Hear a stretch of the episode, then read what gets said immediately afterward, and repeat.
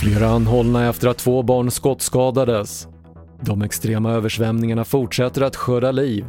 Trots höga smittonivåer lättas restriktionerna i Storbritannien och hundratals skogsbränder fortsätter att rasa i Nordamerika. TV4-nyheterna börjar med uppgifterna att det var två barn som skottskadades i Flemingsberg söder om Stockholm igår kväll. Barnen träffades i benen när de var ute och lekte och enligt polisen tyder inget på att de var måltavlor.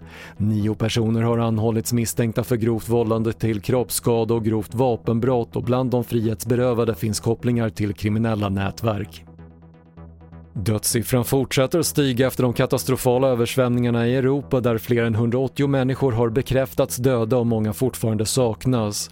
Samtidigt som vattenmassorna börjat sjunka undan på flera håll har ett nytt undantagstillstånd nu förklarats i södra Bayern i Tyskland när regnovädret rört sig österut med nya översvämningar. Samtidigt som smittonivåerna är de högsta sedan i januari i Storbritannien har alla vuxna erbjudits minst en dos coronavaccin enligt landets vårddepartement.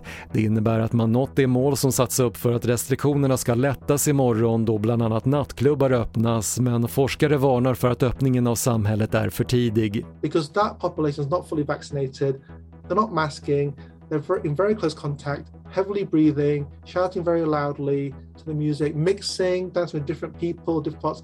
That's the perfect mixing vessel for the virus to spread and to even generate new variants. Det sa virologen Julian Tang.